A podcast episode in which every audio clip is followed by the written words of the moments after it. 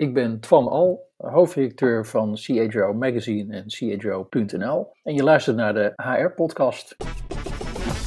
Dit is de HR-podcast van HR Academy en HR Praktijk over innovaties met impact op human resources management. Welkom bij aflevering 50 van de HR-podcast over innovaties met impact op HR. Ik ben Pieter Lieversen. En ik ben Wim Nijmeijer. En in augustus 2019 toen kwam de eerste aflevering van de HR-podcast online. En daarna hebben we elke twee weken nieuwe gemaakt. En na een zomerstop in 2020 en in 2021 zitten we nu in het derde seizoen en luister je naar de 50ste aflevering. En in totaal zijn de afleveringen nu al ruim 42.000 keer beluisterd. Dus beste luisteraar, je bent niet alleen. En 50, dat is een mooi rond getal. Het is een jubileumgetal. Dus is deze 50ste aflevering ook een mooie gelegenheid om in een helikopterview te gaan kijken naar innovatie in HR. Hoe wordt dat op het allerhoogste niveau, dus in de boardroom, beleefd? Hoe kijken HR-leiders naar innovatie en hoe belangrijk vinden ze dat? En wat de afgelopen 49 afleveringen ons wel hebben laten zien, is dat data veelal de belangrijkste grondstof is voor innovatie. Maar hoe staat het eigenlijk met die datagedrevenheid in de HR-top? We gaan ons dus in deze aflevering op grote hoogte begeven en we gaan een kijkje nemen in de boardroom. De bestuurskamer waar de HR-leiders aan de knoppen zitten en het klimaat creëren voor innovatie met impact op HR. En dat gaan we doen met onze gast Twan Al. En Twan is hoofdredacteur van CHRO Magazine en CHRO.nl. En dat zijn media voor HR-executives. En Twan is al jarenlang actief in het HR-werkveld en samen met Irma Doze is hij ook de auteur van een management bestseller. En dat is het boek HR Analytics, waarde creëren met datagedreven HR-beleid. En binnenkort verschijnt daarvan alweer de derde en volledig herziene editie. Nou, welkom in de HR-podcast, Twan. Dankjewel, Pieter. Ja, Twan, je hebt als hoofdredacteur natuurlijk al heel veel HR-leiders geïnterviewd. En dan stel jij de vragen in deze podcast stel jij niet de vragen, maar dan krijg je ze gesteld. En hoe voelt dat voor je? Ja, dat is wel even wennen, ja. ja. Maar ik denk dat het je vast goed afgaat. Dat gaan we zien. Oké, okay, Twan, dan gaan we nu maar eens even naar de boardroom. En daarin zitten uh, mensen die uh, met een goede Nederlandse term het C-level worden genoemd. Ja, dat klopt. De Chief Executive Officers, de Chief Financial Officer en natuurlijk ook de Chief HR Officer, HR Officer om het maar eens goed te zeggen. Maar is dat nou een feit of is dat een fictie? Nee, dat is voor een, eh, een heel aantal eh, bedrijven is dat een feit. Uh, ik, wij zoeken voor onze, voor onze interviews uh, bij voorkeur naar CHRO's.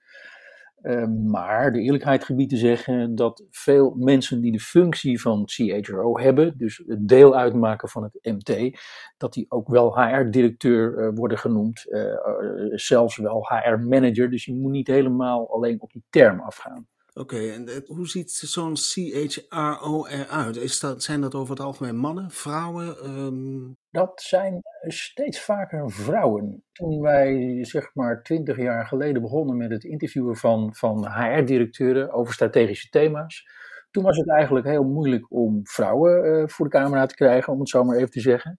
Um, maar nu, twintig jaar later, is het juist weer lastiger om mannen eh, voor de microfoon te krijgen. Eh, dus daar zie je wel degelijk een, eh, een ontwikkeling in. En dat is niet alleen in Nederland, maar dat zie je bijvoorbeeld ook in de Verenigde Staten. Je ziet vaker vrouwen op dit soort functies dan mannen. Oké, oké. En, en is er een bepaalde sector oververtegenwoordigd? Of loopt het gelijk op? Of het profit, non-profit, maakt het niet uit? Ja, dat zie je toch wel vooral in de profit sector. Daar wordt vaker gesproken van CHRO in. En buiten de profit sector uh, kom je die term uh, eigenlijk nauwelijks tegen. Om even een beeld te krijgen hoor, maar hebben die CHRO's ook een, een, een, een specifieke HR-opleiding gehad? Of komen ze uit andere disciplines? Beide. Je ziet dat uh, een, een, heel deel heeft bijvoorbeeld een achtergrond als organisatiepsycholoog of als bedrijfskundige of als bestuurskundige.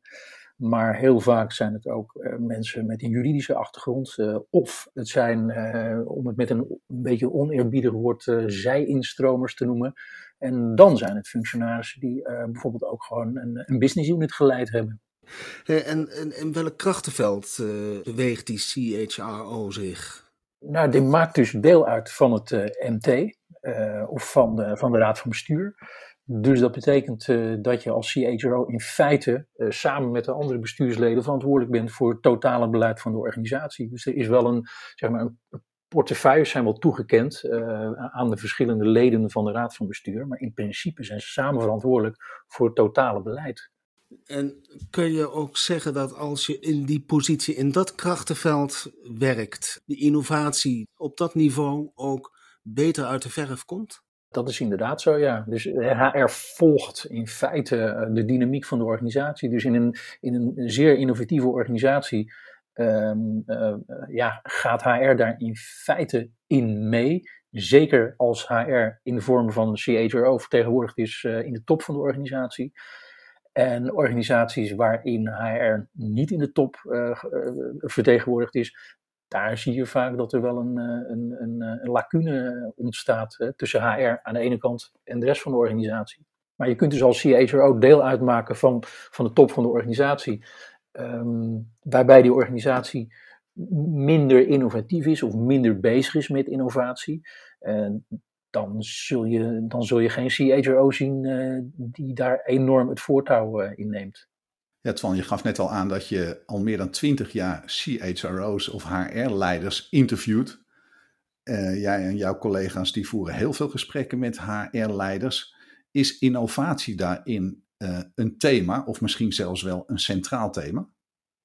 Nee, eerlijk gezegd uh, niet. Nee.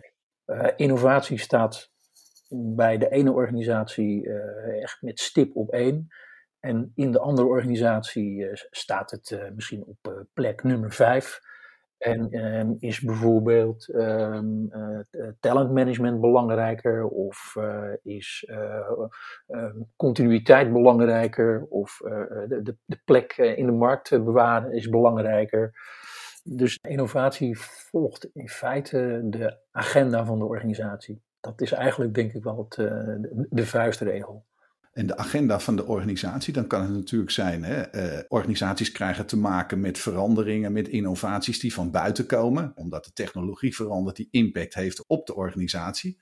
Maar ik kan natuurlijk ook voorstellen dat CHRO's, HR-leiders, eh, dat we daar ook een ander type innovatie van mogen verwachten. Hè, bijvoorbeeld uh, sociale innovatie of misschien ook zelfs wel een, een CAO-innovatie.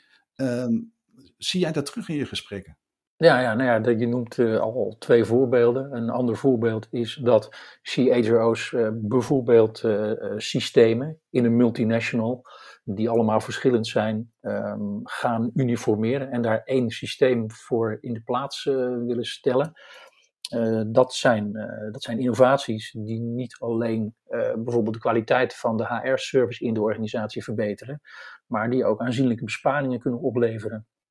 En, gaat het dan vooral over uh, technologische innovatie? Of zet die HR-leider, die dan weliswaar de agenda van de organisatie volgt, dan toch ook vooral in op sociale innovatie? Ja, die technologische innovatie kun je eigenlijk nooit loszien van uh, sociale innovatie. Er zijn, er zijn uh, veranderexperts en, en, en transformatie-experts die zeggen dat de sociale innovatie eigenlijk belangrijker is dan de technische, technologische innovatie ze zijn onlosmakelijk verbonden, zeg je. Maar volgt de een ook de ander? Wordt sociale innovatie getriggerd door technologische innovatie? Of is het nou precies andersom? Wat is jouw indruk? Nou, die technologische innovatie die slaagt alleen als de sociale innovatie die daarvoor nodig is, als die ook slaagt. Dus het, je, kunt, je kunt veel uh, ambitieuze plannen realiseren op het gebied van technologie. Maar die sociale innovatie is eigenlijk een, een voorwaarde. Als, daar niet, als je daar niet uitkomt, als je, als je dat niet voor elkaar krijgt, dan slaagt de technologische innovatie niet. Dus die twee zijn, op die manier zijn die twee met elkaar verbonden. En als we die technologische innovatie eens wat breder trekken, dus uh, digitale transformatie, hè, dat is natuurlijk ook een term die eigenlijk veel voorbij komt. Ja. Um, wat voor invloed heeft die digitale transformatie op de innovatieagenda van HR-leiders? Uh, veel, um, want die, die digitale transformatie die omvat eigenlijk alle processen van de organisatie. Dus dat betekent uh, dat, je, dat je ook je, je basisproces, je core business uh, dan moet veranderen. En dat raakt eigenlijk aan alles wat de organisatie doet, inclusief HR. Dus de digitale transformatie van de organisatie is eigenlijk ondenkbaar als niet ook HR daarin mee innoveert. Ja, jij zei net van innovatie als thema. Dat komt eigenlijk niet vaak uh, terug in de gesprekken. Maar komt die digitale transformatie wel vaak terug in jouw gesprekken met HR-leiders? Nou ja, zo vaak als die digitale transformatie voor de organisatie uh, een rol speelt. Veel organisaties die denken na over digitale transformatie. Maar het gros van, de, van die organisaties die, die staat eigenlijk op het punt om daar een, een visie op te ontwikkelen. Uh, en een minderheid is in feite al begonnen met die digitale transformatie. Dus in die zin komt het niet in elk gesprek uh, heel pregnant uh, aan de orde. als wij kijken Twan, naar digitalisering, dan lijkt dat onlosmakelijk verbonden aan data, big data. En dat, dat is natuurlijk wel het buzzwoord wat je nu ook wel in, in HR hoort. Uh, jij hebt het boek geschreven over big data, de HR analytics. Wa wat is nou die waarde van datagedreven HR-beleid? De waarde van datagedreven HR-beleid is dat je met data onderbouwde besluiten kunt nemen. Dus dat betekent uh, dat je op een cijfermatige basis argumenten hebt om een besluit nou, linksom of rechtsom te nemen en dat, ja, dat is eigenlijk eh, de toegevoegde waarde van data-gedreven HR-beleid. Kan je ook voorbeelden geven? Eh, even los van bijvoorbeeld verzuimcijfers en, en dat soort dingen. die zijn denk ik ook wel bekend in, eh, in het HR-veld. Maar kan je voorbeelden geven waarvan je zegt van nou, dat is nou typisch zoiets van data-gedreven HR-beleid? Nou, een voorbeeld is Google bij Google hebben ze eigenlijk voor bijna alle thema's die met, met medewerkers te maken hebben. Dus bijvoorbeeld, wat voor soort teams, met welke samenstelling zijn nou innovatiever dan andere teams met een andere samenstelling? En dan blijkt er dus een relatie te zijn tussen een bepaalde mate van diversiteit van die teams, maar daar zit ook een grens aan. Dus als die teams diverser zijn boven een bepaalde grens, dan zie je dat het innovatievermogen van die teams minder wordt. En op basis daarvan uh, heeft Google een soort, ja, een soort matrix gemaakt van hè, hoe divers die teams moeten worden om optimaal innovatief te zijn. Twan, dus als een team, begrijp ik uit jouw woorden, te veel van elkaar, de leden te veel van elkaar gaat verschillen, hè, dus de diversiteit wordt te groot, dat gaat ten koste van de innovatiekracht. Ja, er is ook nog een verband met inclusiviteit. in een divers team uh, moeten mensen zich ook uh, lid van het team voelen. Dus er moet inclusiviteit ervaren worden. En je ziet dat als de, met het stijgen van de diversiteit uh, loop je het risico dat de ervaren inclusiviteit afneemt. Maar als je ervoor kunt zorgen dat die inclusiviteit die de medewerkers van een team ervaren op peil blijft, dus dat de diversiteit en de inclusiviteit met elkaar in balans blijven, dan zie je dat het innovatievermogen van zo'n team uh, hoog blijft. Dat is een mooi voorbeeld. Ja. Datagedrevenheid uh, bij HR, leidt dat ook tot innovatiebereidheid? Of misschien wel innovatiegedrevenheid? Ja, ik zou denken van wel, want uh, datagedreven besluitvorming pas je toe met de gedachte om je processen te verbeteren. Dus je bent daar eigenlijk dan al mee bezig, met het verbeteren van het bestaande. Ja. En zijn, zijn HR-leiders in staat om dat beleid te voeren, of is dat nog een, een stip op de horizon?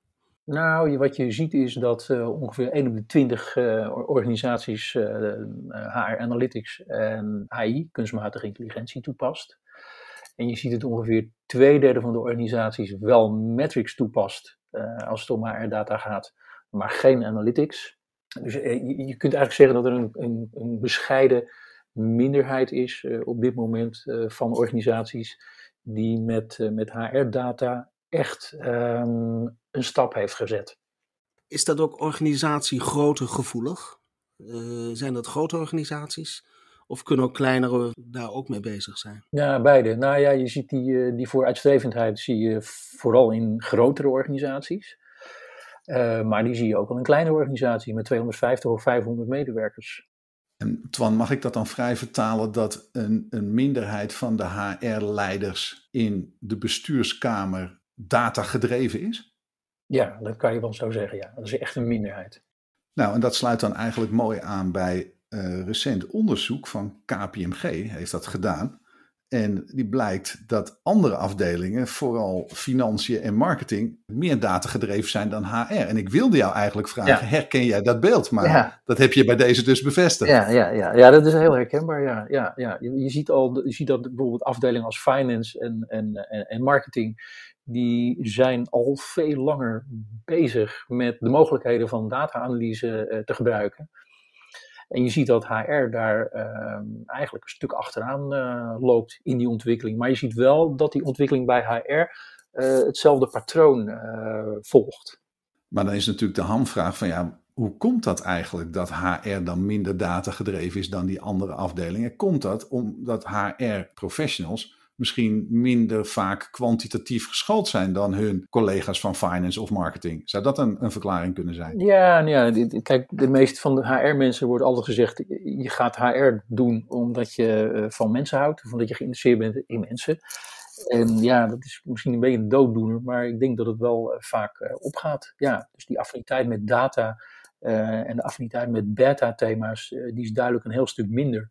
Dus daarin heeft HR nog wel een, uh, een, een, wereld te winnen. Ja, en denk je dan ook dat de angst voor privacy daar nog een rol bij speelt? Want data over mensen, ja, dan kom je vaak natuurlijk op het gladde ijs van privacy. Is dat ook een remmende factor? Ja, dat speelt denk ik wel een rol. En je, van oudsher um, zijn HR-afdelingen eh, zeg maar, eh, zuinig en voorzichtig eh, met personeelsdata.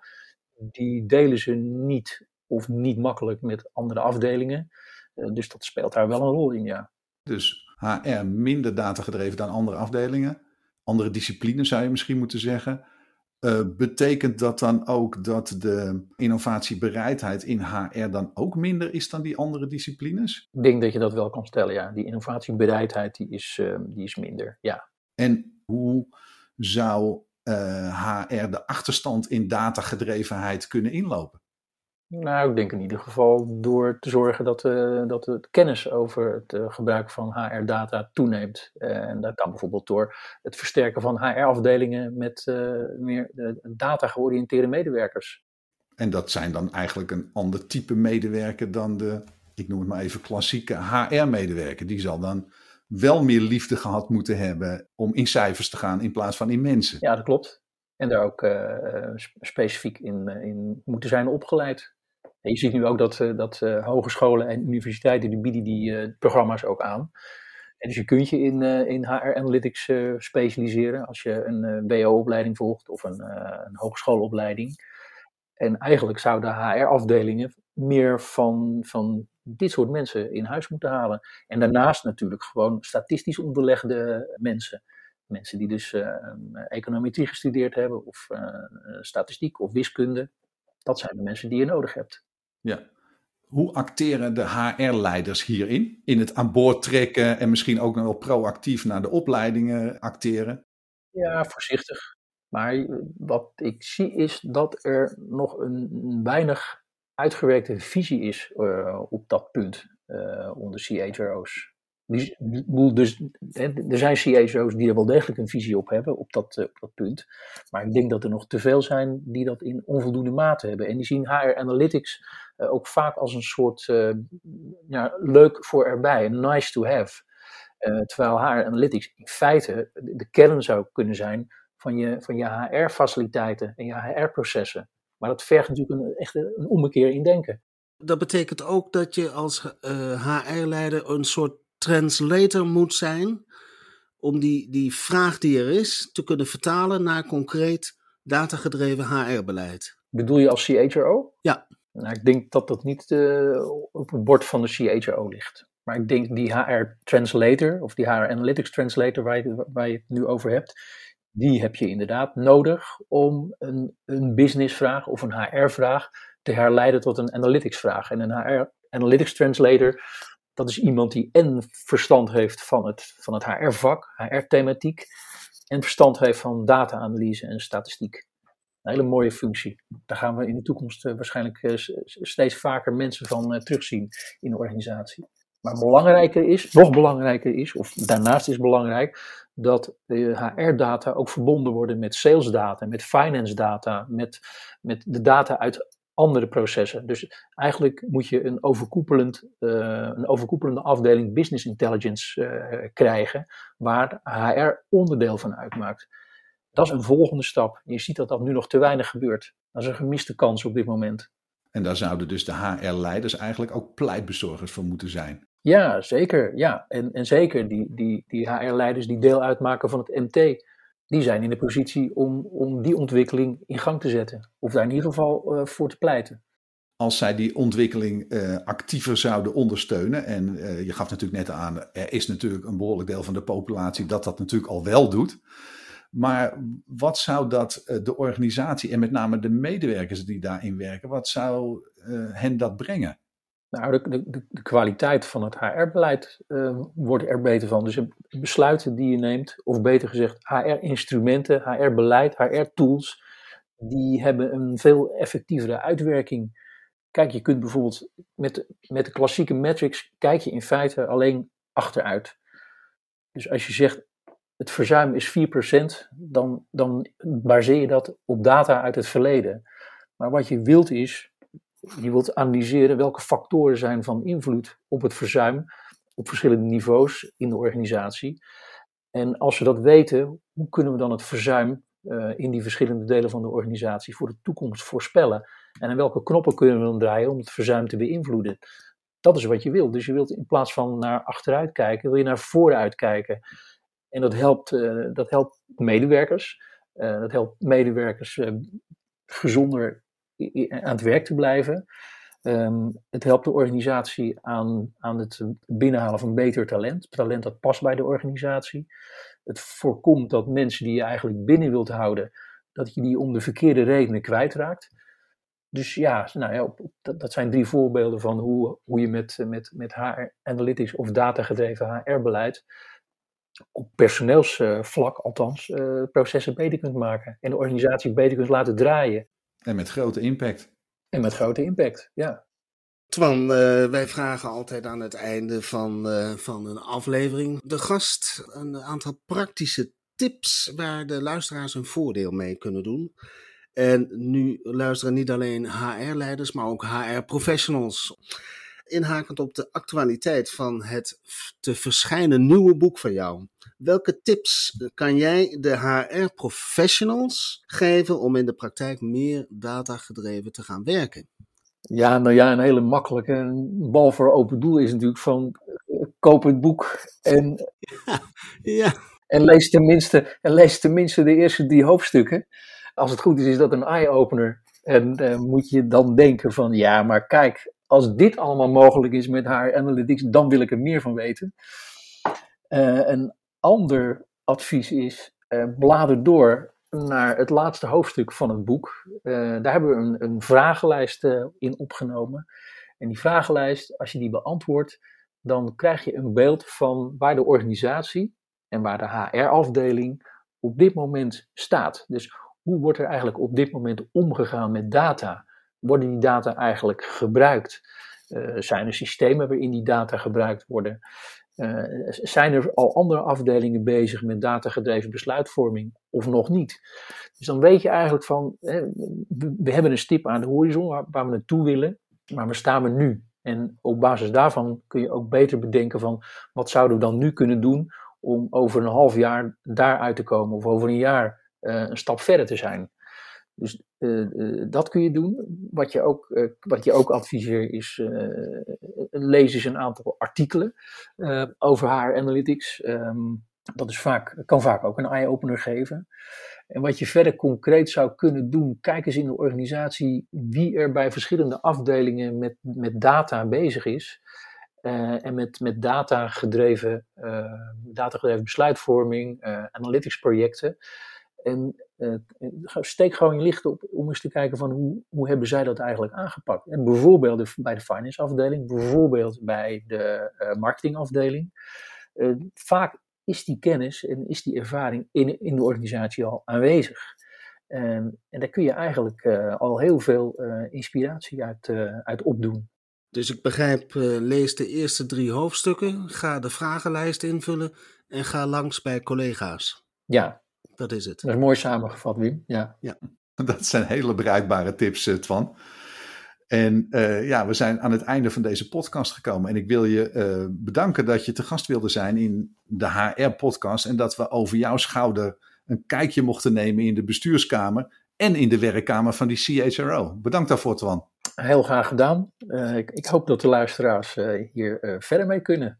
En ja, toch aan het einde van weer een aflevering van de HR-podcast over innovaties met impact op HR wil ik je nog wat vragen. Want wil je reageren op deze aflevering? Misschien heb je ook suggesties voor gasten voor een volgende aflevering. Nou, laat ons en andere HR-professionals het weten door een recensie te schrijven op Apple Podcast of stuur een mail naar redactie.hrpodcast.nl. Bedankt voor het luisteren en tot de volgende HR-podcast.